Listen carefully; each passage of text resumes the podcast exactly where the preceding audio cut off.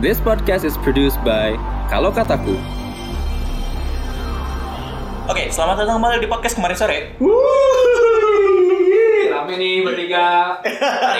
Biasanya berdua. Enggak, biasanya rame berlima. karena sudah tiga minggu kita tidak pernah full team dan sampai sekarang nggak full team juga sih sebenarnya.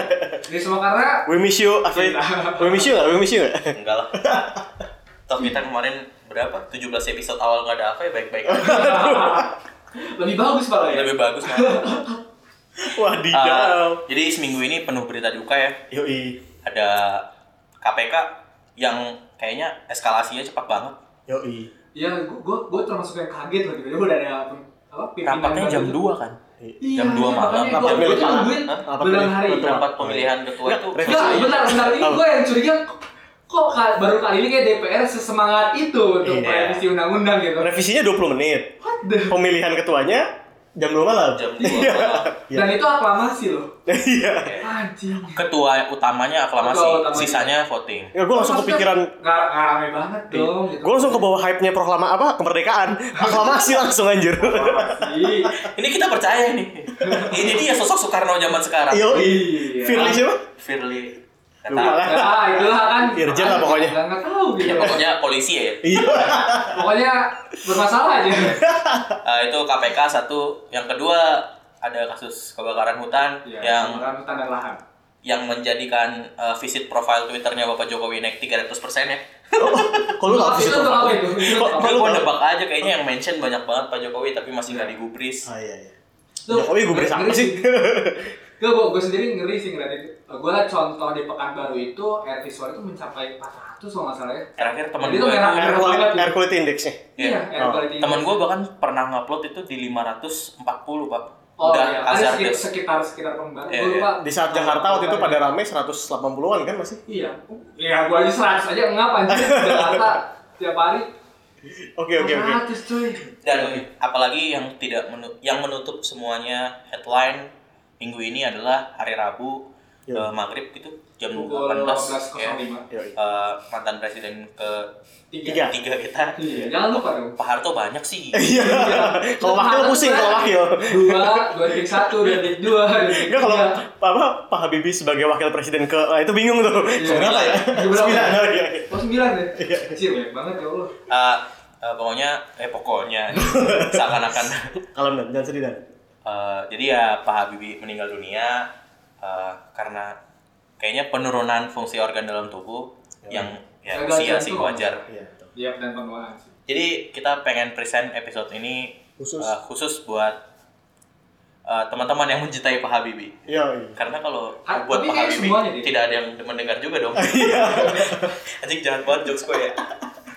Tapi kepikiran tadi, masukin aja dong. Tidak apa-apa dong.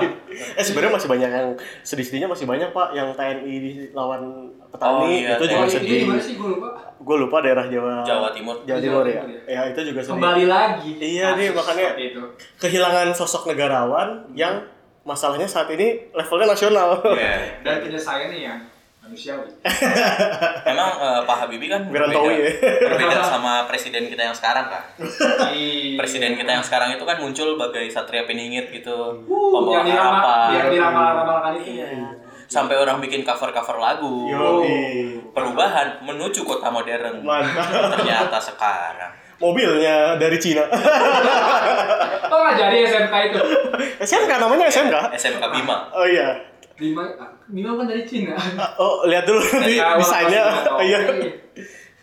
Ya pokoknya ya Pak Habibie justru muncul dengan sebaliknya kan. Pak Habibie digadang-gadang jadi bagian dari Orba tapi melangsungkan semuanya dengan baik. Iya. Eh, 517 hari kepemimpinan, Iya. melahirkan 57 undang-undang, satu perpu, eh, prestasi di mana kayaknya pemerintahan kita paling efektif bersama DPR juga saat itu.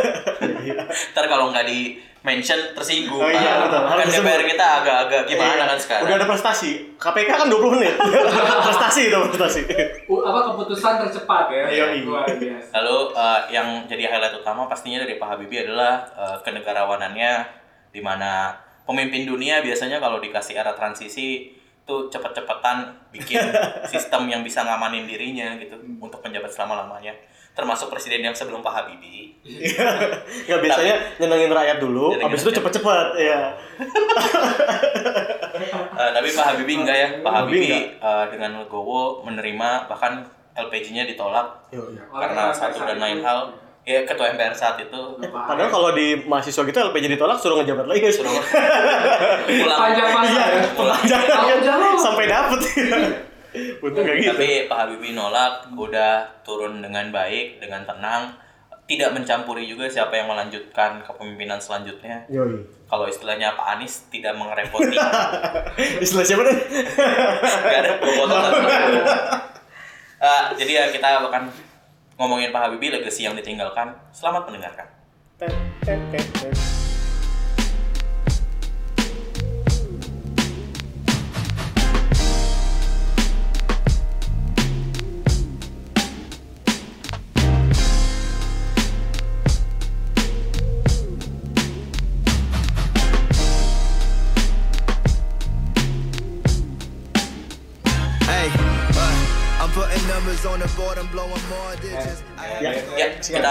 Dari mana nih, Wei? Enaknya ngomongin Pak Habibie. kita gue pengen angkat cerita di awal-awal dia dibawa pulang sih sama Dari- perjalanannya menuju menjadi wakil presiden karena Eh kita sebelumnya beliau tuh uh, Menristek ya? Manusia gitu ya? 20 tahun? Ya pasti Se- bawa pulang. sebelum Menristek itu 25 tahun di Jerman. Ya, Sekitar itu lah, 18-an. Ah. Ya, sekitar 18-an. Jadi kenapa Pak Habibie saat itu yang kerja di Jerman ya Pak Habibie ya? Sempat Di kerja juga. perusahaan pesawat gitu Iya, dia sempat terlibat buat uh, revolusi di perusahaan Boeing sama Airbus Wow. tentang pro- crack propagation teorinya ya. Nah, hari ini kita pakai produk itu ya, semua pesawat kita hampir semuanya. Iya betul. Karena masa mau pakai yang PTDI? Belum satu. Iya. Belum satu. N250 adalah pesawat tercanggih di zamannya. Mantap. Anda jangan eh, Zamannya bentar tapi ya. eh gimana gimana? Kenapa Pak Habibie dibawa pulang saat itu? Kenapa orang yang udah mapan di Jerman Iya. harus dibawa apalagi jadi Menristek yang kayaknya itu jabatan baru di Indonesia gitu. Pada saat itu ya. pada saat Iya, itu pada saat itu. terus langsung diserahkan pada akademisi di saat Iya. yang lain-lainnya adalah Irjen dan Apri. Iya betul. betul. Polisi. Kenapa Pak Habibie gitu? Iya, iya. Pak Soeharto ada kepikiran apa gue? Kalau gue sih gue ini ini pandangan subjektif ya. Lu bisa argue ini, tapi maksud gue gue gue cukup gue cukup senang melihat kiprah Pak Harto at least satu atau dua periode awal lah. Karena Satu periodenya Pak Harto tuh berapa lama sih? satu periode dihitung terus ya. Panjang. Satu periode sesuai dengan Undang-Undang Dasar Ah, iya. 1945 yang belum dirubah. ya, sa- satu dua titik awal terlepas dari dia perebutan kekuasaannya kayak gimana, tapi kayak kalau mau cerita pada saat dulu dia ditawarin sama MPR untuk jadi uh, super semarnya diterjemahin, habis itu super semarnya diakuin sama uh, MPR, itu dia masih sebenarnya nolak untuk jadi presiden pada saat itu. Jadi uh, mungkin kita bisa lihat pada saat itu masih ada sisi kenegarawanan dari Pak Soeharto.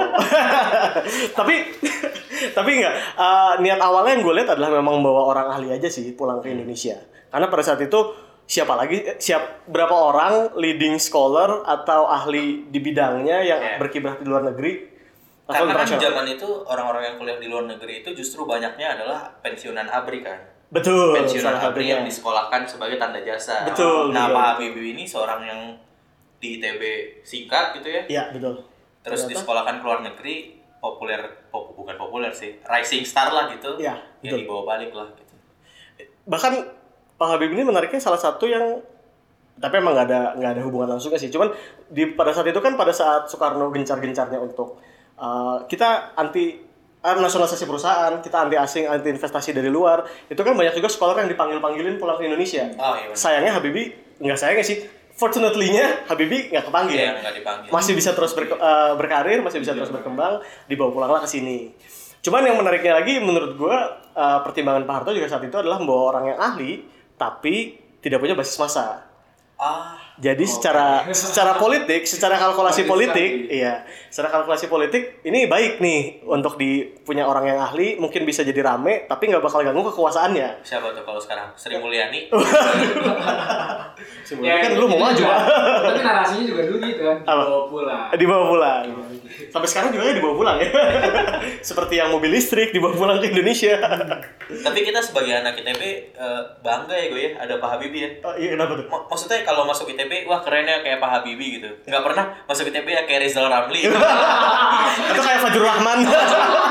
Nggak pernah kan. Iya, iya. Selalu Pak Habibie gitu. Lagi dicari. Apa? Lagi dicari apa? Ah, iya betul. ya kayak gitu. Nah, cuman dari sana gue mau coba tarik sih kan jadi dia habis itu jadi Menristek dikti, dikti kan selama 20 tahun.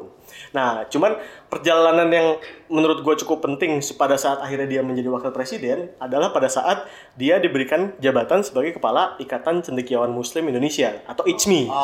Ya, itu masih ada ya sampai sekarang. Sampai sekarang masih ada, sampai hari ini masih ada. Kemarin juga diwawancara di TV-TV nasional.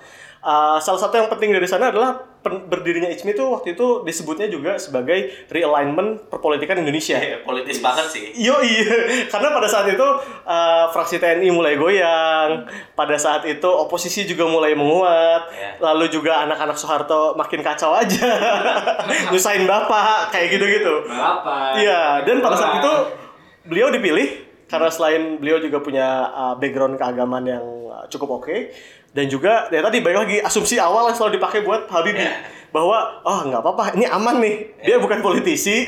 Kayaknya nggak nggak kenapa-napa kalau kita Tidak dia. akan jadi batu sandungan. betul. Dan yang menarik dari Pak Habibie adalah mungkin karena dia akademisi kali ya. Maksudnya pikirannya lempeng-lempeng aja. Jadi begitu dikasih ISMI pun dia jalanin dengan sepenuh hati. Tuh apa target-targetnya dia, dia jalankan dengan sebaik mungkin.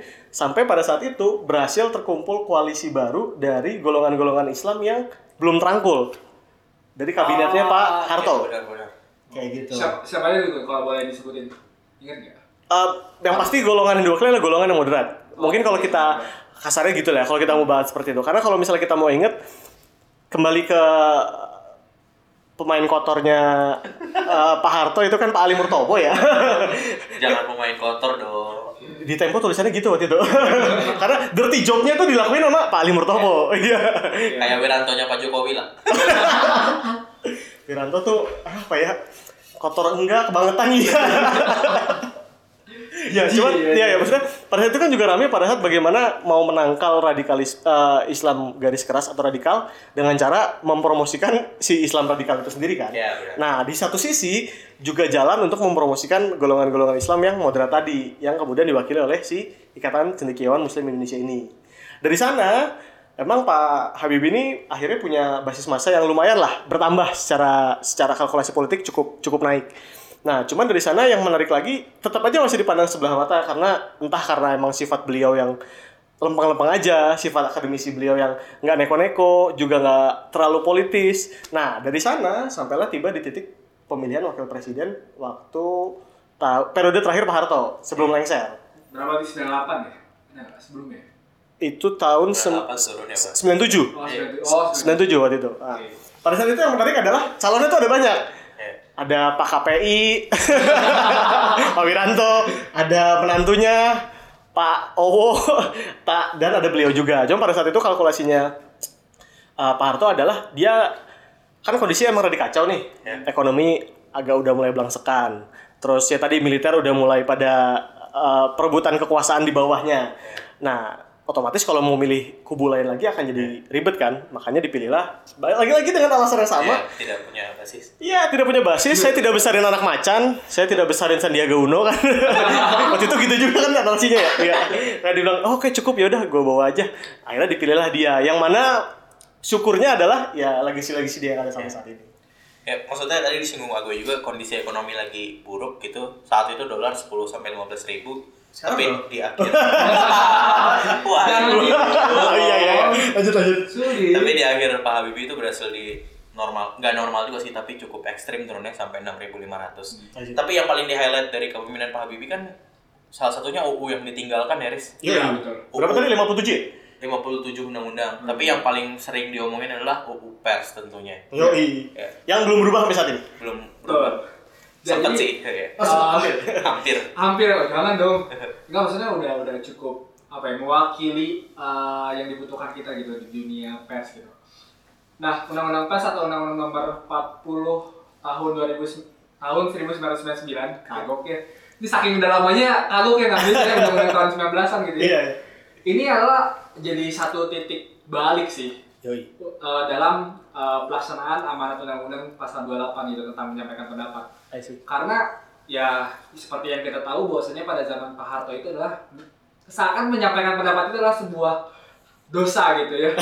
Apalagi pendapat yang eh, posisinya adalah kita menjadi oposisi dari pem- pemerintah kayak gitu. Dan hadirnya undang-undang pers ini memang memberikan apa ya suatu gairah baru dalam penyebaran informasi gitu. I see. tidak hanya media secara media cetak tapi juga lewat televisi radio pun mulai lahir Ya, ya. dan apa ya orang-orang yang memang apa ya hobinya bacot gitu hobinya ngasih pandangan jadi semua keluar gitu. Dan ini sebetulnya uh, yang perlu digarisbawahi adalah adanya uh, pers ini adalah sebagai salah satu tiangnya jalan demokrasi gitu. Karena fungsi pengawasan fungsi uh, kritik itu jalan jadinya gitu. Ya. yang dan kita bisa lihat setelah adanya undang-undang pers ini ya kita nggak nggak selalu bukan nggak percaya pemerintah ya tapi kita bersikap awas gitu. Ya benar. Ya. jadi kita bisa ikut berpartisipasi juga secara tidak langsung lewat ya ini medianya ada pers kayak gitu itu sih jadi sangat sangat penting gitu. Karena gue kebayang kebahagiaan itu serius ketika Iya. pertama kali dicetuskan gitu kayak selama ini lo kalau ngomong harus melalui TVRI dan disensor dulu. Itu kayak stand up komedian kalau lagi audisi tuh. Oh, iya, iya. Jokesnya mana sini gue sensor dulu. Oh, iya, dulu, lihat Kalau lulus boleh, boleh ditayangin gitu. Ah, tapi dulu ada ini sih kayak sensor-sensor yang dipotong di tengah-tengah gitu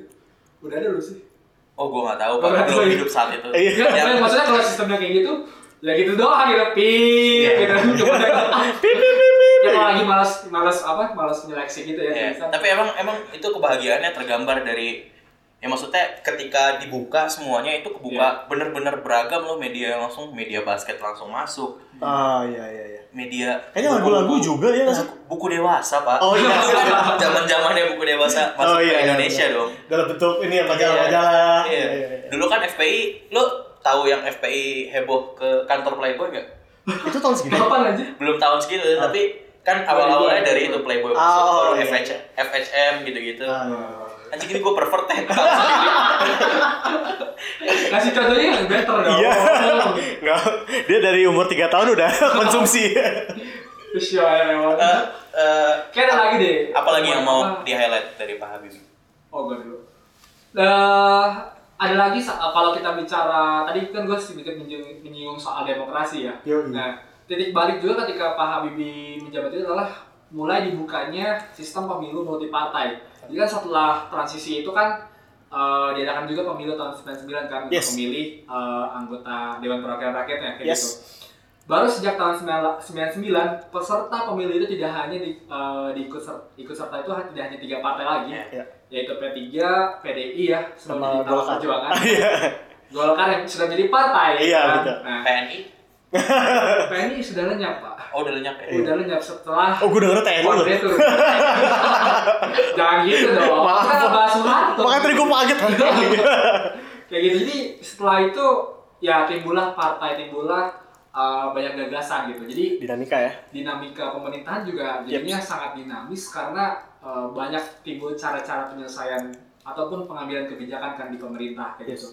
Dan memang jadi uh, perpolitikan jadi semakin ramai gitu. Sampai puncaknya pernah ada pemilu itu diikut serta uh, yang ikut serta itu ada sebanyak 48 partai gue ingat. Iya, betul. Itu salah satu yang paling banyak nggak itu salah. 2000 99. oh 99 99. Iya. Sembilan. Eh, 99 48 ya. 99 48. 48 ya. Ya sampai sekarang proses walaupun memang Berkurang kalau kita terus. bicara sistem multi partai ini kan ada di undang-undang pemilu. Yes. Ya, walaupun hari ini sudah mulai sedikit dibatasi karena ada diperkuat beberapa syarat, tapi Ya. di zaman Pak Habibie lah uh, dibukalah benar-benar tadi tidak hanya kebebasan untuk menyampaikan pendapat, tapi juga kebebasan untuk berorganisasi. Iya. Gitu. Itu yang cukup membuat ya hari ini banyak komunitas, Iya. banyak gerakan. Jadi Betul.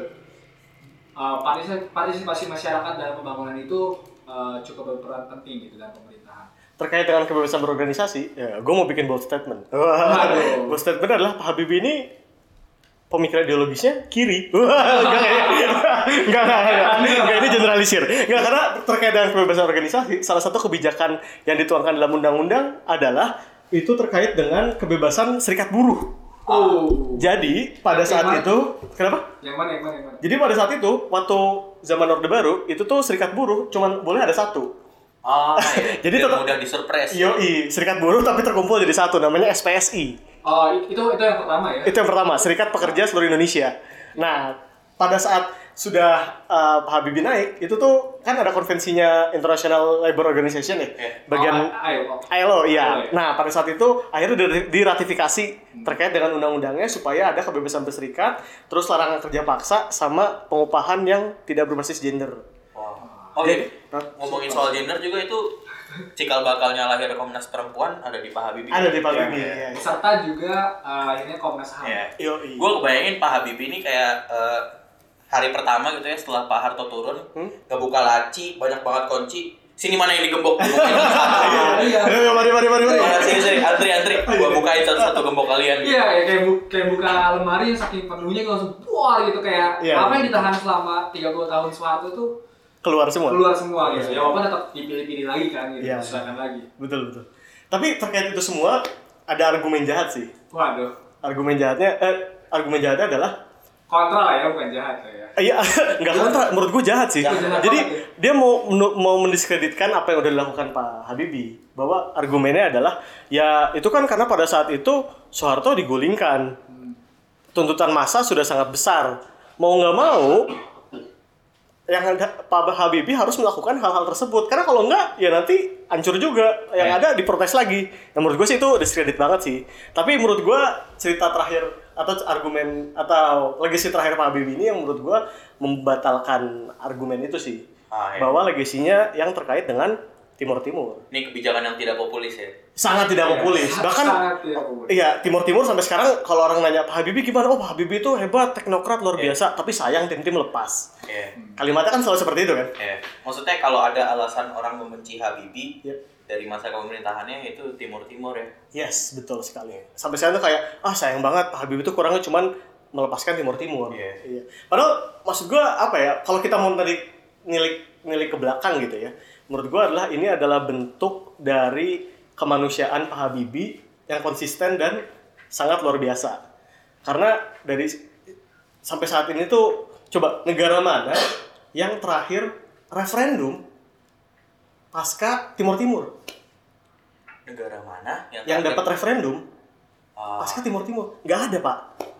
Kecuali negara pecah-pecahan ya kayak Kosovo kayak Serbia Montenegro Iya. yang gitu. Tapi nggak ada. Kita lihat sekarang Kurdi nggak ada nggak Iya. dapat. Catalunya nggak dapat West Iya. Papua wah Hawaii sama Puerto Rico hampir sih. hampir tapi belum dapat juga kan dapat juga. secara umum itu merupakan pemberian hak yang luar biasa dan pada saat itu yang mengajukan untuk ya udah diadain referendum aja itu tuh bukan keputusan PBB tapi yang ngajuin Pak Habibie itu sendiri Iya. Wow. jadi itu itu tingkat wow itu kayak yang gue suka sih ya pandangannya adalah sebenarnya bukan mendorong untuk mereka untuk merdeka hanya mendorong untuk ya udah ter- terserah kalian silakan bebaskan nasib kalian sendiri Ya. lewat mekanisme referendum karena ataupun sekarang kalau gue kasih misalnya referendum ke Papua Barat gue nggak ya gue nggak yakin Papua Barat menang sih orang-orang yang megang KTP kan, Papuanya banyak orang non Papua 62 referendum kan statusnya. iya Tapi banyak yang bilang disurprise oleh pemerintah. bahkan referendumnya tidak langsung Referendumnya tidak langsung Yes, perwakilan. perwakilan. Nah, Pak Habibie mungkin juga ngambil dari itu ya maksudnya ngapain gue referendum kalau ujung-ujungnya harus pakai surprise lagi gitu. surprise lagi ya Mending dibebasin aja. Bahkan ada- Walaupun ada, kejadian ya di situ ya. iya yang mana tuh Yang jadi sebenarnya pengumuman hasil mereka lepas atau tidak Hah? itu kan awalnya Pak, Pak Habibie nyiapin dua pidato tuh oh I see kalau lepas gimana Kalau masuk gimana? gimana, Iya, iya. nah yang di Timur Timur harusnya melapor dulu ke Pak Habibie hasilnya ah, tapi mereka improv langsung ngumumin sendiri Oh, sendiri Pak Habibie tahu setelah naik Oh iya. udah udah semangat banget ya. udah aduh jadi bingung Pak Habibie gitu tahu dari tidak langsung Tidak langsung ya, iya iya. Tapi waktu itu referendumnya akhirnya berjalan lancar, 78,5 banding 21,5 persen. Eh, Yang mana memang pada saat itu secara hukum internasional pun kita emang bermasalah karena pada saat itu kita menginvasi daerah Timur Timur. ya. Jadi emang bisa digugat untuk arah arah ke sana dan menurut gua kalau gowoan Pak- bukan kalau ya kebesaran hati untuk Kebesaran memberikan hati. hak dasar manusia ya, iya nggak sih kepada rakyatnya untuk memilih menentukan nasib sendiri. dan kalau dilihat kemarin beredar juga di Twitter yang video pelukan Oh sama Oh, sama iya. Sanana Iya iya. Ya, itu kan memang sangat apa ya heartwarming gitu Yes, melihatnya bagaimana kayak seseorang yang membebaskan Ya. nasibnya bisa jadi mereka sebahagia itu. Mungkin kebijakan ini bisa ditiru oleh Pak Jokowi. Wah. setelah KPK, Iya. setelah undang-undang pertanahan. Betul, betul. Saya ingin terlihat populis lagi. Bagaimana? Bentar. Referendum Papua. Oh, referendum Papua. Tapi ada argumen jahat juga loh terkait dengan uh, referendum tim-tim ini. Dibilangnya adalah satu, pada saat itu Pak Habibie dapat info yang salah dari Intel. Oh. Jadi Intelnya dibilang, Intelnya ngasih itu, udah kasih aja Pak, kita bakal menang. Kayak Ali Murtomo ngasih ke Pak Harto, kan kasih jangan 68 Pak, nanti kalah 69 aja menang. Nah, katanya kayak gitu. Terus yang kedua, ini tuh dikasih supaya nanti Pak Habibie dapat Nobel perdamaian. Wah, Tapi menurut gue ya balik lagi sih argumen jahat kayak gitu pada akhirnya menurut gue terpatahkan sama konsistensi Iya, Pak Habibie. Iya bener-bener ya konsisten sampai akhir kok ya nggak sih? Ba- banyak kan sebenarnya kebijakan dia yang diambil secara apa ya hati nurani kan Yes gitu. betul. A- Ada cerita yang waktu di Yang ini. Mata Najwa yang Anwar Ibrahim.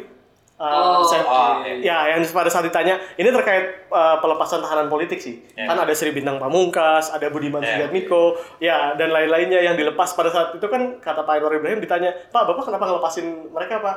Uh, bagaimana perhitungannya? Dia cuma bilang, ya ini karena pertanggungjawaban kepada Tuhan. ya. Iya. Terus kata apa? ini gue juga mau nambahin dia juga kan salah satu orang yang menolak adanya hukum, hukuman mati kan. Ya. Ah iya. Karena dia bilang ya mati itu hak prerogatifnya Tuhan Oh, bukan iya. kita gitu. betul betul betul. Itu luar biasa sih gitu. Maksudnya gue gak kepikiran bahasa seperti itu gitu. Ya. Iya. Ada kuotnya juga kan tentang si penjara itu. Penjara itu tempat kriminal gitu. Yes. Bukan orang yang berbeda pandangan politik. Nah, oh, iya iya. Kan yang beda pandang politik kriminal. Siapa sebutin itu? Yang gue baru tahu lagi adalah yang menarik ternyata tentang Papua itu juga udah dilaksanain sama Pak Habibie. Oh, udah ada Jadi sampai sampai tahun sembil- 1999 itu Papua itu ditetapkan sebagai DOM, Oke, daerah operasi militer. Maka jumlah TNI yang ditempatkan di sana, uh, piranti-piranti yang bisa masuk di sana ada apa aja, itu tuh khusus. Dan pada saat itu, ini mungkin terkait juga ya, karena waktu itu kan Dwi- pada saat itu lagi Dwi Fungsi Abri ya, Masih dulu fungsi. berubah dari Dwi Fungsi Abri ke enggak pun zamannya Pak Habibie kan. Benar. Nah, sehingga pada saat itu di Papua digeser. Ya udah kalau gitu penjagaan keamanan sekarang dikasih ke polisi. Iya. Sudah bukan TNI lagi.